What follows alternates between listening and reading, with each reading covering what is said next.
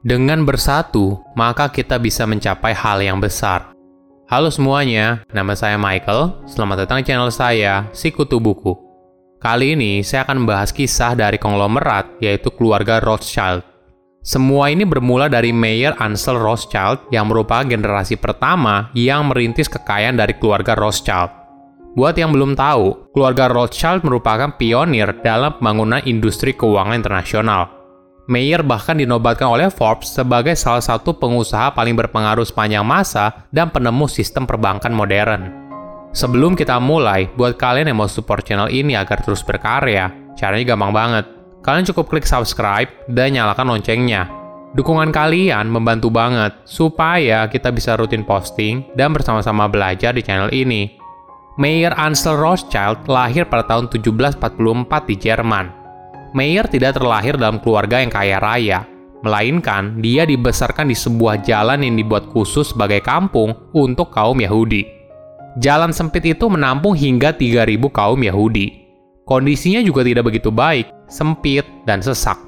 Sebagai gambaran, Mayer tinggal di atas toko keluarga mereka bersama 30 sanak keluarganya dalam kondisi yang penuh sesak. Bukan hanya ditempatkan dalam lingkungan khusus, kaum Yahudi saat itu juga tidak diperbolehkan untuk meninggalkan rumah pada malam hari, hari Minggu, dan hari libur khusus. Mereka juga dilarang untuk mengunjungi taman umum, kedai kopi, dan berjalan dalam kelompok lebih dari dua orang. Mayer belajar soal bisnis dari usia yang masih belia. Ayahnya merupakan pedagang kain sutra dan penukar uang. Salah satu pekerjaan pertama Mayer yaitu menyortir koin yang diperoleh melalui pameran perdagangan setengah tahunan di Frankfurt yang menarik penjual dan pembeli di seluruh wilayah. Namun sayangnya, orang tua Mayer meninggal dunia saat umurnya 12 tahun. Kondisi ini memaksa dia harus tinggal dengan sanak keluarganya yang mengirim Mayer ke Hanover untuk belajar dari Simon Wolf Oppenheimer, seorang figur perbankan Yahudi yang terkenal. Di bawah bimbingan Simon, Mayer belajar soal perdagangan internasional dan keuangan. Dia juga belajar soal koin langka yang berasal dari Romawi kuno, Persia, dan kerajaan Bizantin. Pengetahuan ini membuka koneksi Mayer pada kolektor koin langka dari kalangan pangeran dan bangsawan. Pada tahun 1763, Mayer kembali ke Frankfurt dan bergabung dengan saudaranya untuk meneruskan usaha keluarga. Dia berhasil menjadi pedagang koin langka dan menjalin kerjasama yang baik dengan putra mahkota Pangeran Wilhelm dari Hesse. Mayer lalu memperlebar kerjasamanya hingga ke jasa keuangan, dan Pangeran Wilhelm membantu dia untuk menjalin hubungan dengan para bangsawan yang lain. Kerajaan perbankan keluarga Rothschild berkembang pesat selama revolusi Perancis. Mayer memfasilitasi pembayaran dari Inggris untuk menyewa tentara bayaran dari Hesse pada awal tahun 1800-an, dia mengirim lima anak laki-lakinya untuk tinggal di Naples, Vienna, Paris, London, dan satu lagi tetap berada di Frankfurt.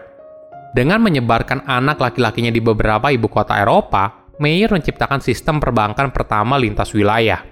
Penyebaran ini juga dilambangkan pada simbol keluarga mereka dengan lima anak panah yang dipegang erat dalam satu kepalan. Gambar ini menjelaskan kalau Rothschild bersaudara mungkin berada di negara yang berbeda, tetapi mereka tetap berhubungan dan bersatu di bawah instruksi ayah mereka. Bisnis Rothschild berada pada jasa keuangan, jadi mereka memberikan pinjaman kepada para pemerintah di beberapa negara Eropa untuk membiayai perang. Sebagai gantinya, keluarga Rothschild membangun kekayaan dari berbagai industri. Menariknya, Sebelum Mayer meninggal, dia menuliskan instruksi yang ketat bagi para keturunannya tentang bagaimana mereka harus mengatur keuangan keluarga Rothschild. Bahkan, Mayer ingin menjaga kekayaan agar tetap ada di dalam keluarga Rothschild dengan cara hanya anak laki-laki yang dapat mewarisi gelar dan properti keluarga.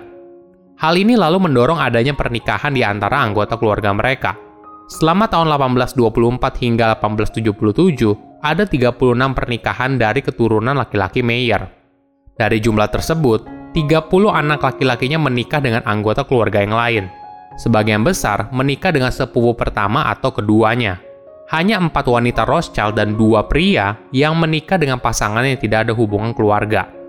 Ketika perang usai, keluarga Rothschild mampu menyesuaikan diri dan terus bertumbuh grup perbankan itu terus melanjutkan transaksi bisnis internasionalnya, tetapi semakin menjadi agen sekuritas pemerintah dalam saham perusahaan asuransi dan industri.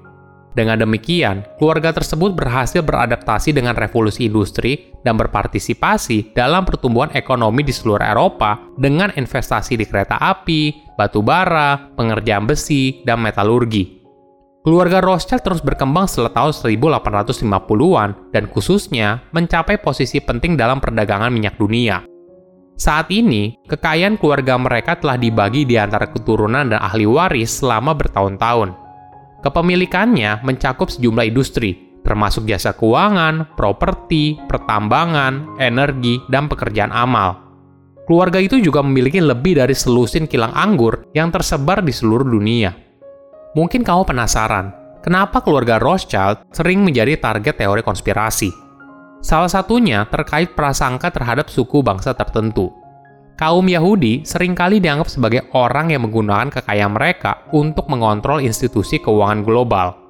Walaupun klaim ini sering kali dibantah dan dibuktikan salah, namun tetap saja selalu muncul. Pada tahun 1846, ada sebuah pamflet politik yang ditulis oleh George Danville dengan nama alias Satan. Pamflet ini berisi soal sejarah keluarga Rothschild dan pengaruhnya di Eropa. Salah satu bagian pamflet tersebut yang terkenal adalah keterlibatan anak dari mayor yaitu Nathan dalam pertempuran Waterloo. Sebagai informasi, pertempuran Waterloo merupakan perang antara tentara Prancis melawan tentara gabungan dari Inggris, Belanda, Belgia, dan Jerman. Perang ini merupakan upaya Prancis untuk mendominasi Eropa, namun kalah pada bulan Juni 1815. Dikisahkan setelah pertempuran selesai, Nathan segera pergi ke pantai Belgia dan membayar mahal untuk menyeberangi Selat Inggris di tengah badai petir. Dia lalu tiba di London 24 jam sebelum berita kekalahan Napoleon secara resmi diumumkan. Dan hasilnya, Nathan tiba-tiba memenangkan 20 juta franc, sedangkan saudara-saudaranya yang lain juga mendapatkan bagian. Jika ditotal, maka total keuntungan yang dihasilkan mencapai 135 juta franc pamflet politik itu langsung populer di seluruh Eropa, walaupun isinya adalah kabar bohong dan berbahaya. Riset dari profesor jurnalistik dari sebuah surat kabar Inggris yaitu The Independent menemukan fakta kalau pada bulan Juni 1815, Nathan tidak berada dekat Waterloo. Tidak ditemukan juga badai petir pada Selat Inggris. Walaupun keluarga Rothschild meraup kekayaan besar dari perang melawan Napoleon, namun mereka tidak mendapatkan uang sebesar ratusan juta franc seperti yang awalnya diberitakan. Sedikit orang yang memahami sebuah sistem keuangan akan tertarik atas keuntungan yang didapat atau jadi bergantung pada sistem yang dibuat. Oleh karena itu, tidak peduli siapa penguasa yang memimpin, penguasa sebenarnya adalah yang menguasai pasokan uang. Silakan komen di kolom komentar pelajaran apa yang kalian dapat ketika tahu informasi ini.